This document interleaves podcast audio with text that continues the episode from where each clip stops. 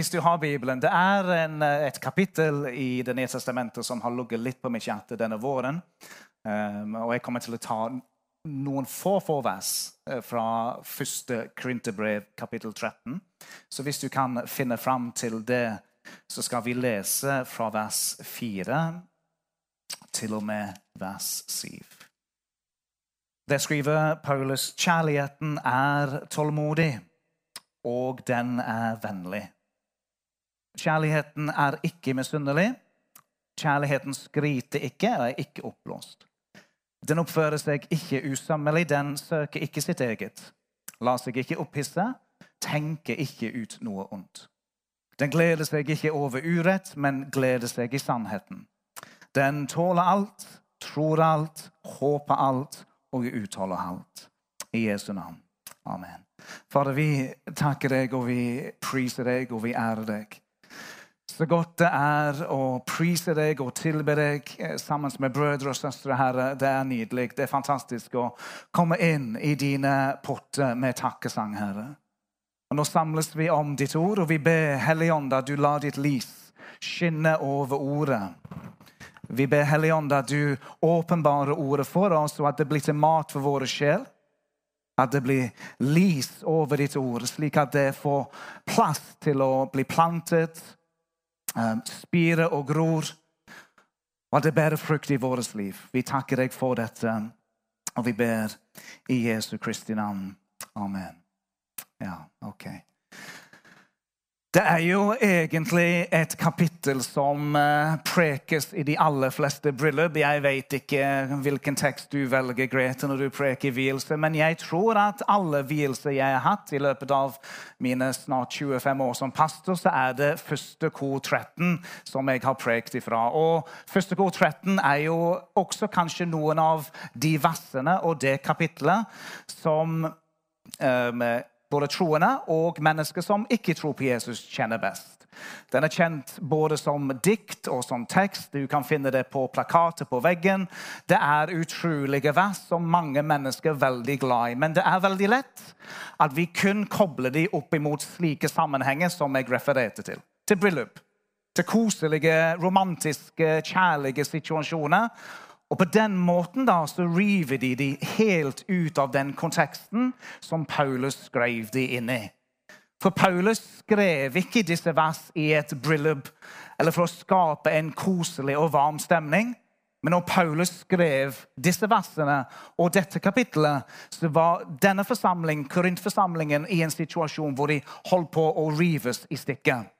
Det var en menighet som var gjennomsyret av sammenligning hvor noen i den forsamlingen følte at de var, de var virkelig greie. De. de var store. De burde hatt sin egen toalett når de kom inn på lokalene. Sin egen parkeringsplass. Det er jo faktisk noen som fortsatt tenker slik, er det, men sånn er det jo ikke. Men de tenkte slik der. Oi, oi, oi, jeg er jo pastor. Jeg er jo apostel. Jeg er profet. Veit ikke du hvem du snakker med? Du snakker med pastor Mark.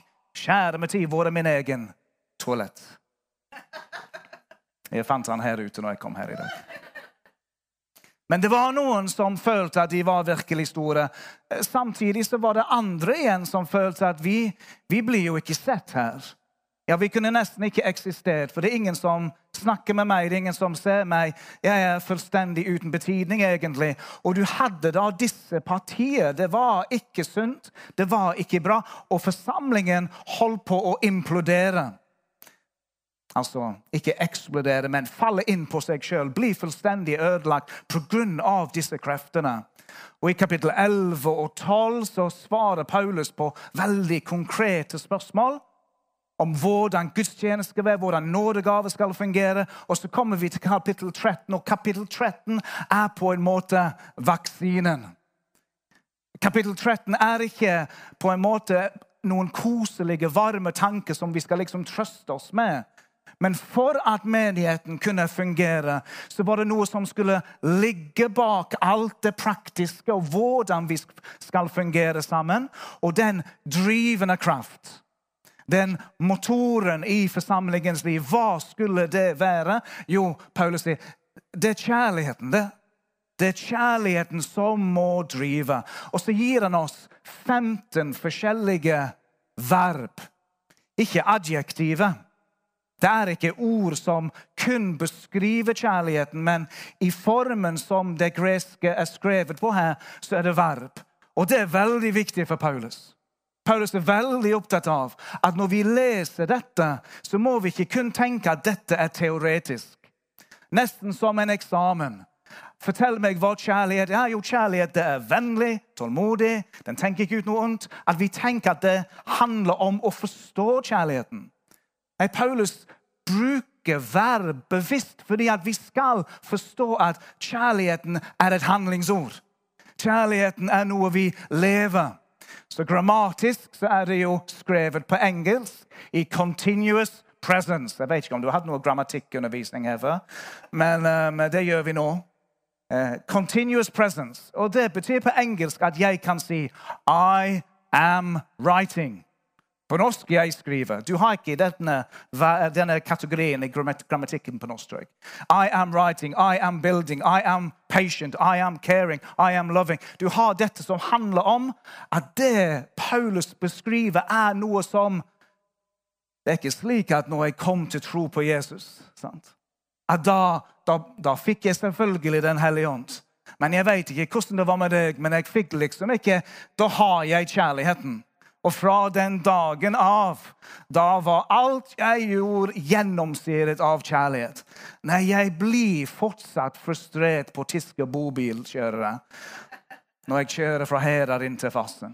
Det er ikke enkelt. Men du har jo kjærligheten, Mark. Ja, ja, ja. Det har jeg.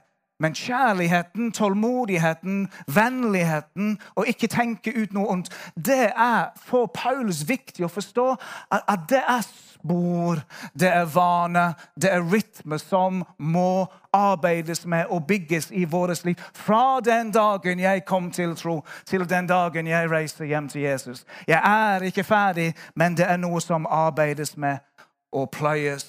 Og jeg trenger Den hellige ånds kraft og jeg trenger Guds nåde for at disse verbene skal få rom og skal få lov til å prege meg. Ja, Det er nydelige vers. Og vi vet også, hvis du, hvis du har Bibelen med deg Jeg oppmuntrer alle til det, selv om jeg, jeg, jeg vet at noen har telefonen og appen, men det, det, er forskjellige måter vi kan gjøre det på. Men teksten så forstår vi at selv om han skriver til menigheten, så forstår vi at denne teksten det handler om Jesus. Så hvis du tar vekk ordet kjærlighet, og det gjør vi nå Vi tar vekk, vi, vi tar vekk um, ordet kjærlighet, og så bytter vi det med Jesus. Og så leser vi. Jesus er tålmodig, og Jesus er vennlig. Jesus er ikke misunnelig. Jesus skryter ikke. Jesus er ikke oppblåst. Jesus oppfører seg ikke usømmelig. Jesus søker ikke sitt eget. Jesus lar seg ikke opphisse. Jesus tenker ikke ut noe ondt. Jesus gleder seg ikke over urett, men gleder seg i sannheten. Jesus tåler alt, tror alt, håper alt, utholder alt. Er det ikke herlig? Det er en nydelig beskrivelse av Jesus. Og Jeg satt en morgen og leste teksten slik. Jeg satt inn, tok ut kjærlighet, satt inn Jesus og leste jeg, og så ble jeg så særlig. Ja, det, det er sant. Altså, Jesus, er, sånn er du. Og så kom den neste biten av min lille stund med Herren, hvor jeg tok vekk ordet Jesus og satt inn navnet Mark. Skal vi prøve på den? Du trenger ikke gjøre det. Jeg gjør det. Mak er tålmodig. Så stopper vi der. Uh, det er klart at, at jeg leste dette, så når jeg byttet ut kjærlighet med mak, så forsto jeg med en gang at her, det, dette var rett og slett litt ubehagelig. Ja, men Selvfølgelig så finner jeg øyeblikk og tider hvor jeg er veldig tålmodig, hvor det fungerer fint, hvor jeg er vennlig. Men jammen har jeg en lang liste hvor tålmodigheten er til de grader fullstendig borte. Og jeg møter meg sjøl i teksten, og det var dette som var poenget til Paulus. For Paulus skrev ikke til mak. Hvem var det han skrev til?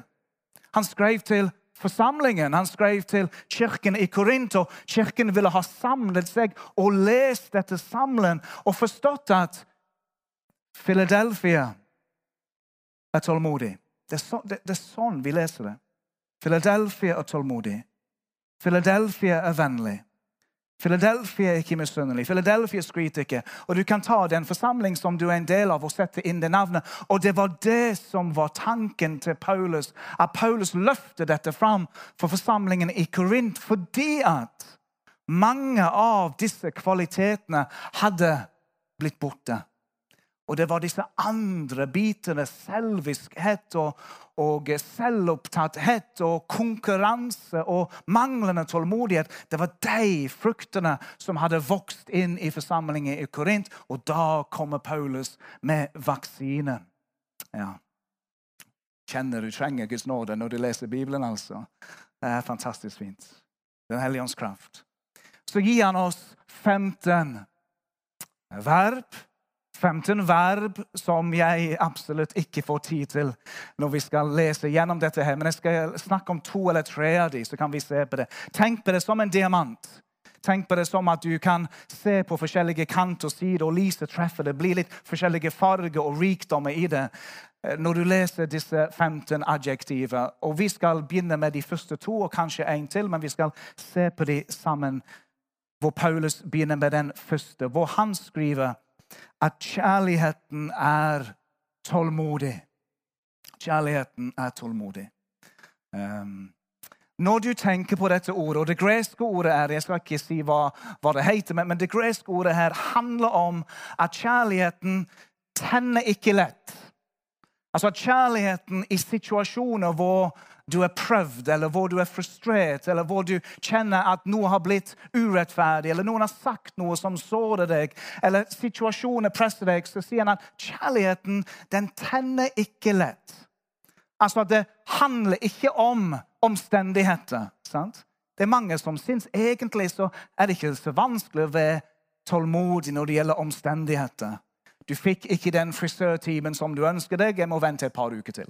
Du fikk ikke den komme til legen akkurat når du trengte det. Du må, du må komme i morgen, ikke i dag. Tannlegen altså Disse situasjoner av omstendighetene våre, ja, det er OK. Det ble ikke helt, Jeg skulle gjerne kommet litt til før, men det ble ikke det denne gangen. Sant? Det er greit. Men er ikke, denne tålmodigheten handler ikke om omstendigheter. Denne tålmodigheten handler om den type tålmodigheten som vi trenger i en kirke den type tålmodighet som trengs i møte med andre som du kanskje ikke syns det er så enkelt å omgås med, eller som sier ting på en måte som du gjerne skulle ikke hørt at de sa det. Mennesker som får kanskje fram det verste i deg. Det trenger ikke være i kirken engang, det kan være på hjemmebane, det kan være naboen din, arbeidskollegene dine. Det er dette som Paulus beskriver en type tålmodighet som vi trenger, som vi skal utøve når vi er i relasjon og når vi møter andre mennesker. Og dette var viktig i Korint. Ved Korint så vet vi at da så de opp til disse store filosofene. Og Da var det en kjent filosof som heter Aristoteles. Og Aristoteles han hadde en setning om den gode grekeren om hvordan den gode greker skulle håndtere det hvis noen tråkket deg på tærne. Og Da skal jeg sitere han, slik at jeg sier det riktig. De har vokst opp med dette. At den gode greker hadde en verdi av å ikke tåle fornærmelse. Og med den minste fornærmelse så slår du tilbake med all din kraft. Kan jeg få en amen? Det er noen på Vestlandet der som kjenner ja! Sånn må det være. Og det var, jo, det var, jo, den kulturen de har vokst opp i. Den forståelsen av at hvis det er noen som tråkker deg på tærne, hvis det er noen som fornærmer deg, hvis det ble ikke slik du tenkte det skulle bli, ja, hva gjør du da som en god greker? Ja, da setter du de på plass. Hør nå her. Jeg finner meg ikke i at du snakker sånn til meg. Nei, sier Paulus, at det, det, kan godt hende at det er sånn det er i, i, i Grekeland. Det kan godt hende det er sånn det er i Haugesund. Det kan godt hende det er sånn det er i den familien som du har vokst opp i.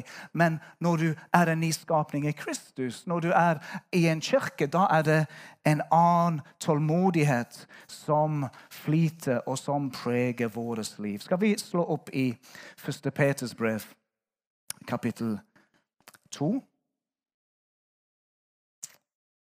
Vi skal bare lese om, om Jesus og hvordan denne frukten er beskrevet fra Jesus sitt liv. Det står om Jesus i vers 23. Da han ble hånet, hånte han ikke igjen. Da han led, truet han ikke, men overlot seg selv til han som dømmer rettferdig. Da han ble hånet, hånte han ikke igjen. Da han led, truet han ikke, men overlot seg selv. Altså Jesus som er på korset to røvere på hver sin side. Vi kjenner den historien. Vi vet ofte den delen hvor den ene røveren sier til Jesus kan du huske på meg i dag. Og jeg sier i dag skal du være med meg i paradis. Den husker vi. Men fortellingen begynner med at røverne håner Jesus. Fortellingen begynner ikke med en røver som forstår at han trenger en frelse. Nei, Det begynner med at de, de, de kaster stygge ord mot Jesus. Og Jesus sier også om når han ble um, tatt, så sier Jesus om jeg ville, Peter, så kan jeg, kunne jeg tilkalle tolv legioner av engler. Tålmodighet er ikke svakhet. Tålmodighet er ikke at vi, ja, vi bare lar oss bli tråkket på og overkjørt. Det er tålmodighet ifølge Jesus. Det er en frukt av kjærligheten, og tålmodighet handler om styrke.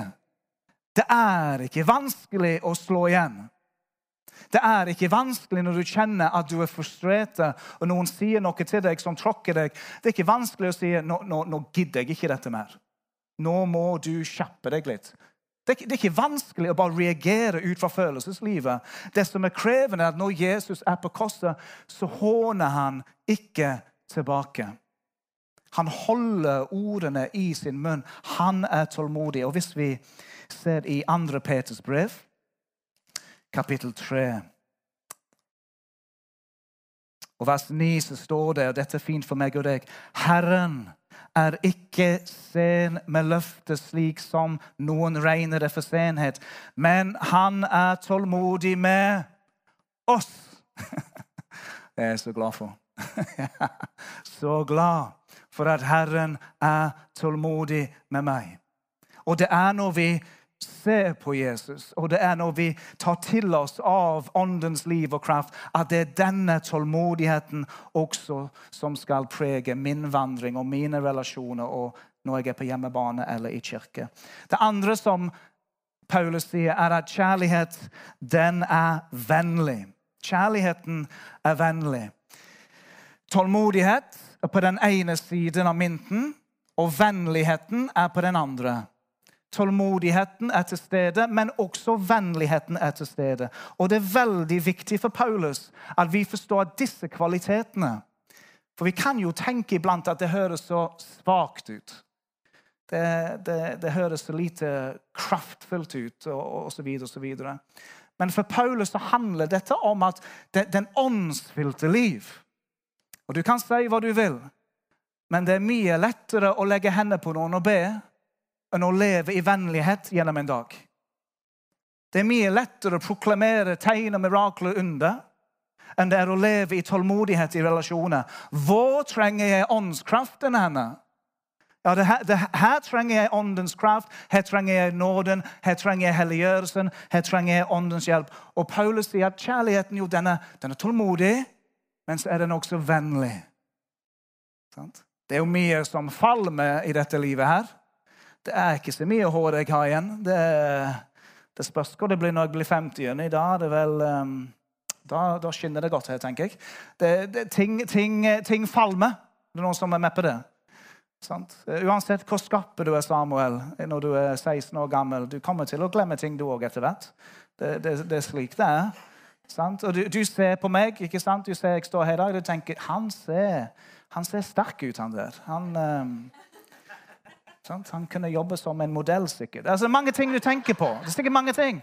Men du vet, jeg har ikke disse looks for alltid. Det er bare sånn det er. Det, det kommer en dag hvor også jeg vil ikke se sånn. Dette er den engelske humoren. Vet du, når du er på Sørlandet, vet du, så må du si sånt i tilfelle de tror at du faktisk mente det. Hørte du han pastoren? Han må virkelig ha liksom om seg sjøl. Jeg må si det også om dagen. Det var ikke jeg som meldte til dagen at jeg er blitt statsborger. Så vil ha fokus på dette her. Når de ringte meg, så sa jeg det her er jo Agurknytt. Kjære meg si. Og, jeg, og dette må du spørre, jeg tok ikke telefonen på en måned. Sånn er det. De ringte meg for en måned siden, og jeg nekte, nekte, nekte. Men de traff meg på liste med et ukjent telefonnummer, og jeg svarte det. Og da er det for seint. Hva skal du gjøre? Men det er ting som falmer, ikke sant? Det er ting som falmer. kjenner vi alle sammen. Eh, sinne kan falme.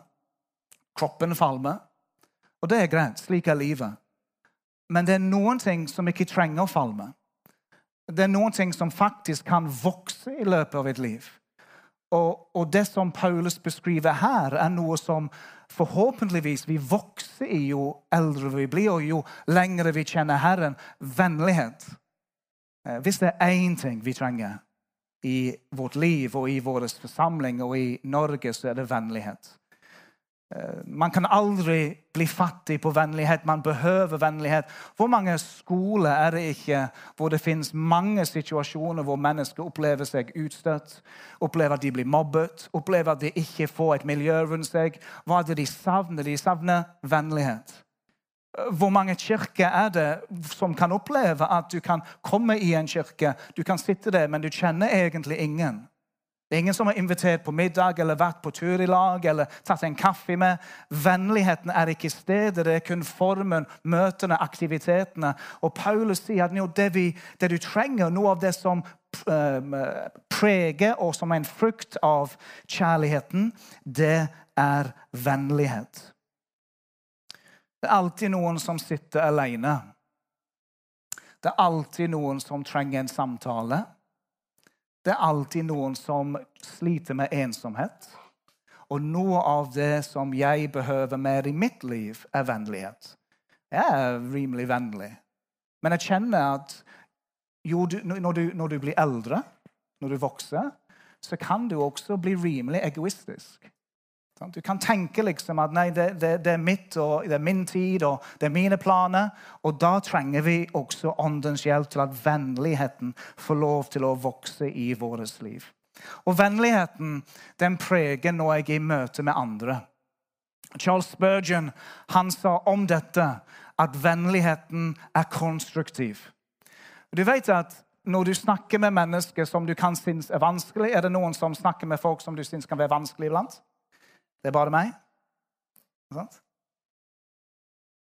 Så er poenget med vennlighet det at vi, vi, vi legger det beste mening til.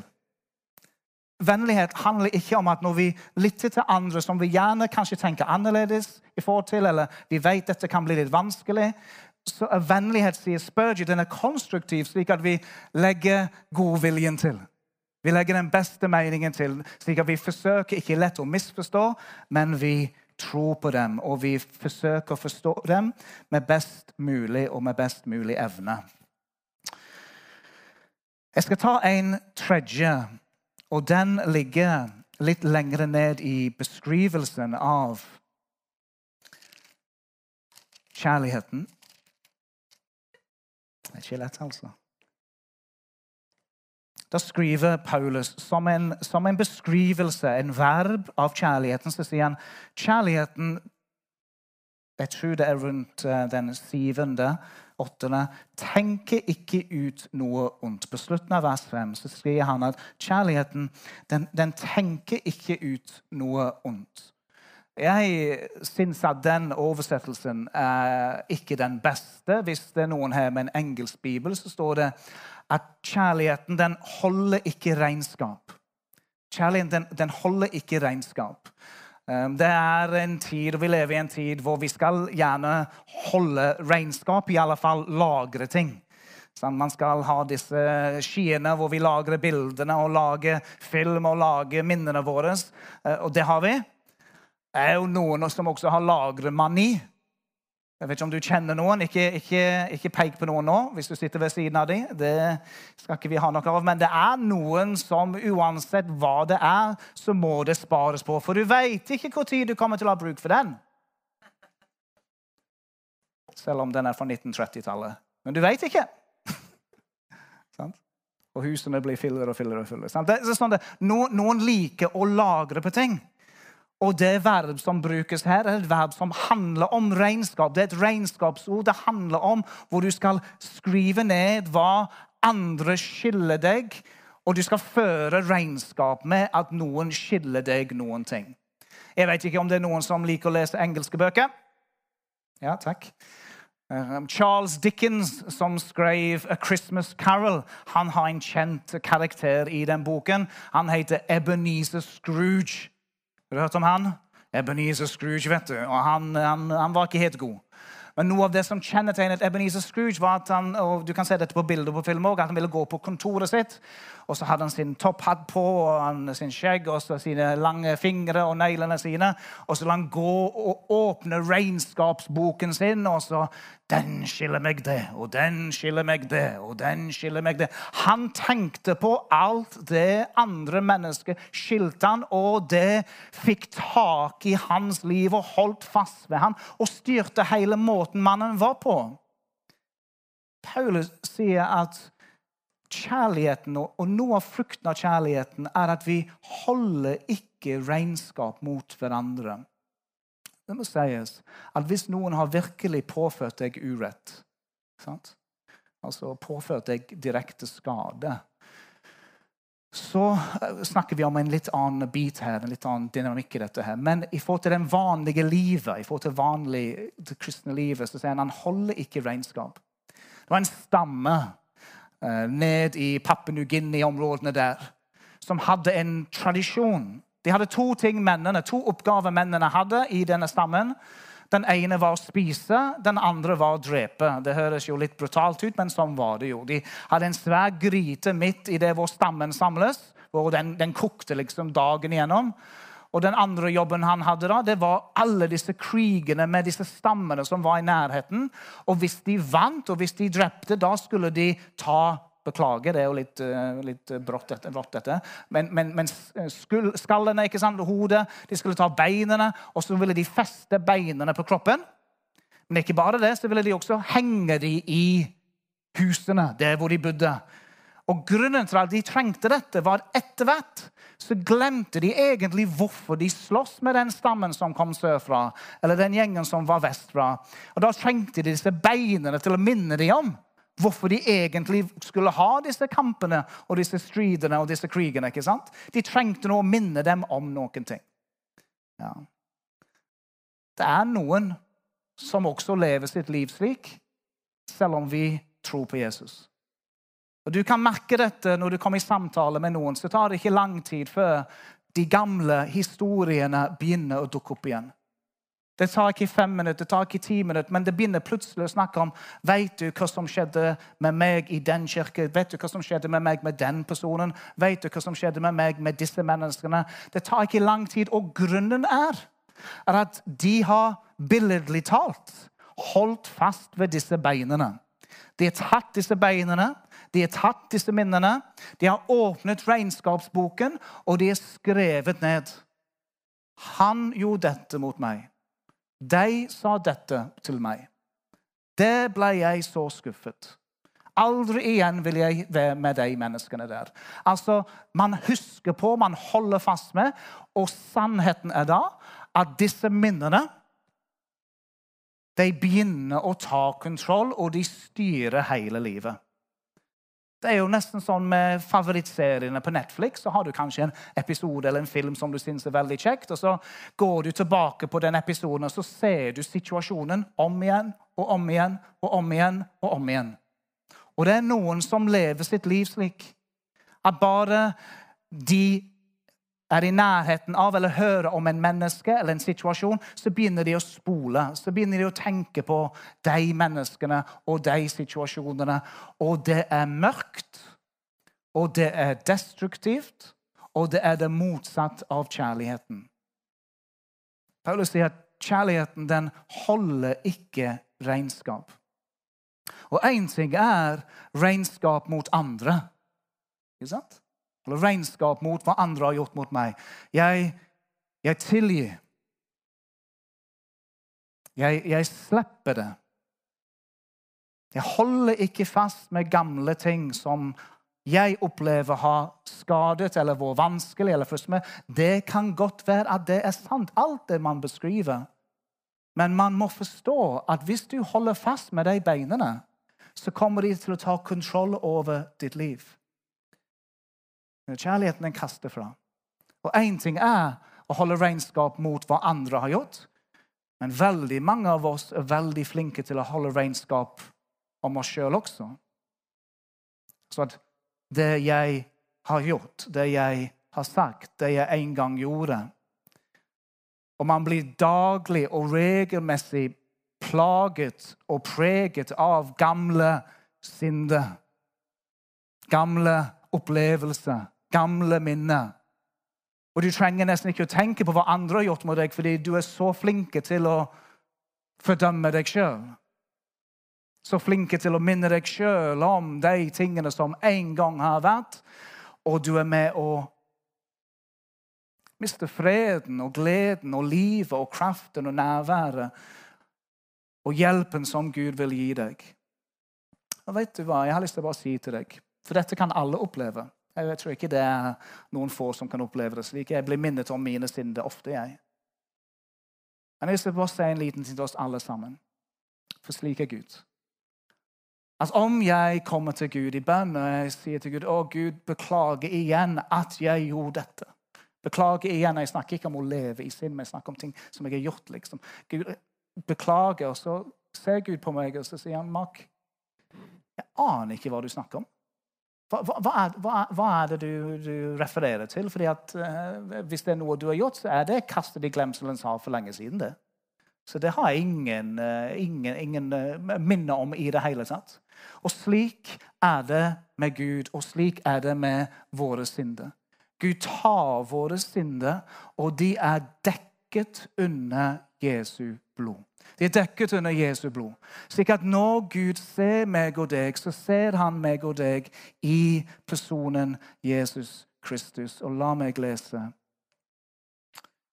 et vers. Jeg måtte låne svigermor sin bibel, eh, så det går litt lengre tid å finne fram her. Romerne 4.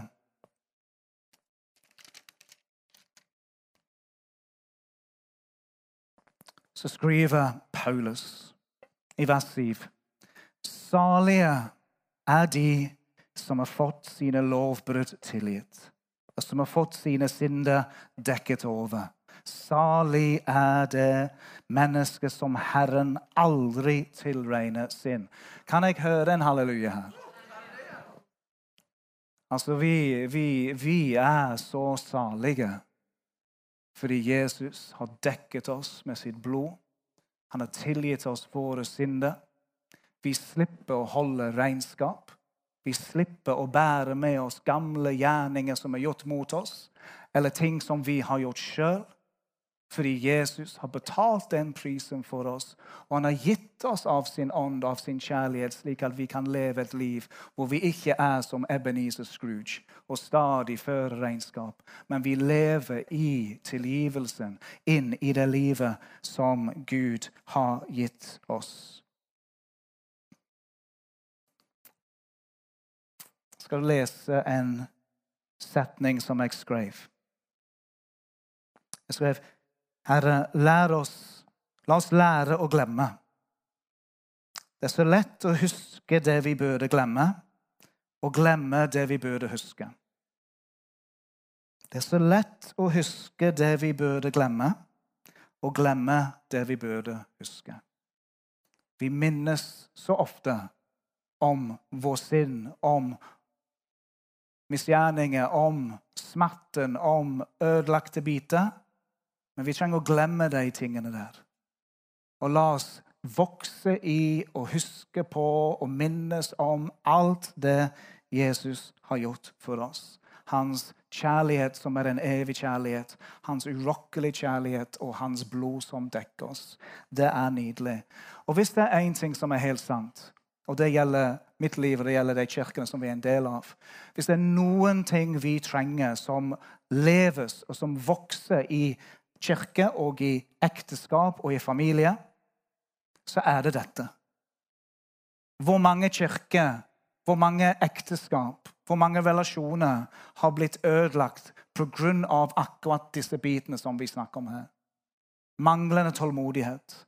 Et fravær av vennlighet ved konstruktiv. Eller å holde fast med et gammelt regnskap som du burde kaste vekk for lenge siden. Og Dette er et påminnelse, og dette er et ord som jeg håper du kan ta med deg gjennom hele ditt liv. For sannheten er at det vil stadig dukke opp situasjoner hvor det gamle i oss vil reise seg igjen og si det her skal jeg. Du slipper ikke unna med dette. Og kjærligheten sier den tenker ikke ut noe ondt. Den holder ikke regnskap. Den er vennlig, den er kjærlig. Og så har du tolv biter til, men de har vi ikke tid til. Amen. Skal vi be sammen?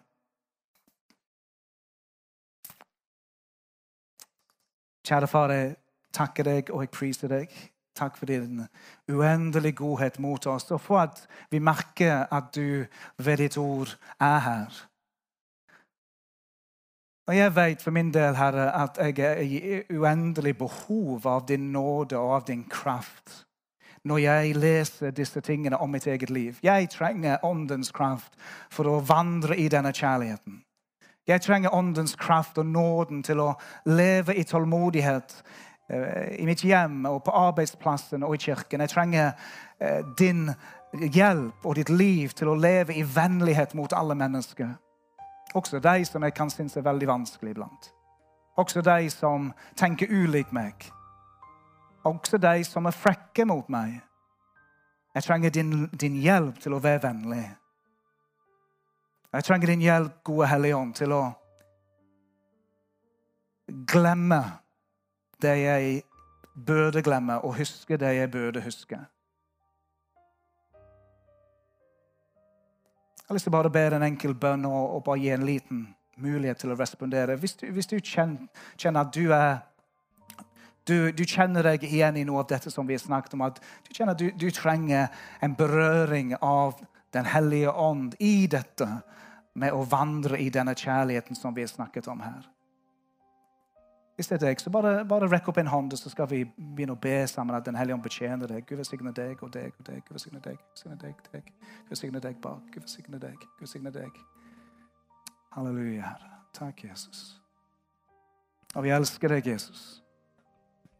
Vi takker deg for at det er slik at når vi leser disse ordene, så vet vi at disse ordene handler om deg, Jesus.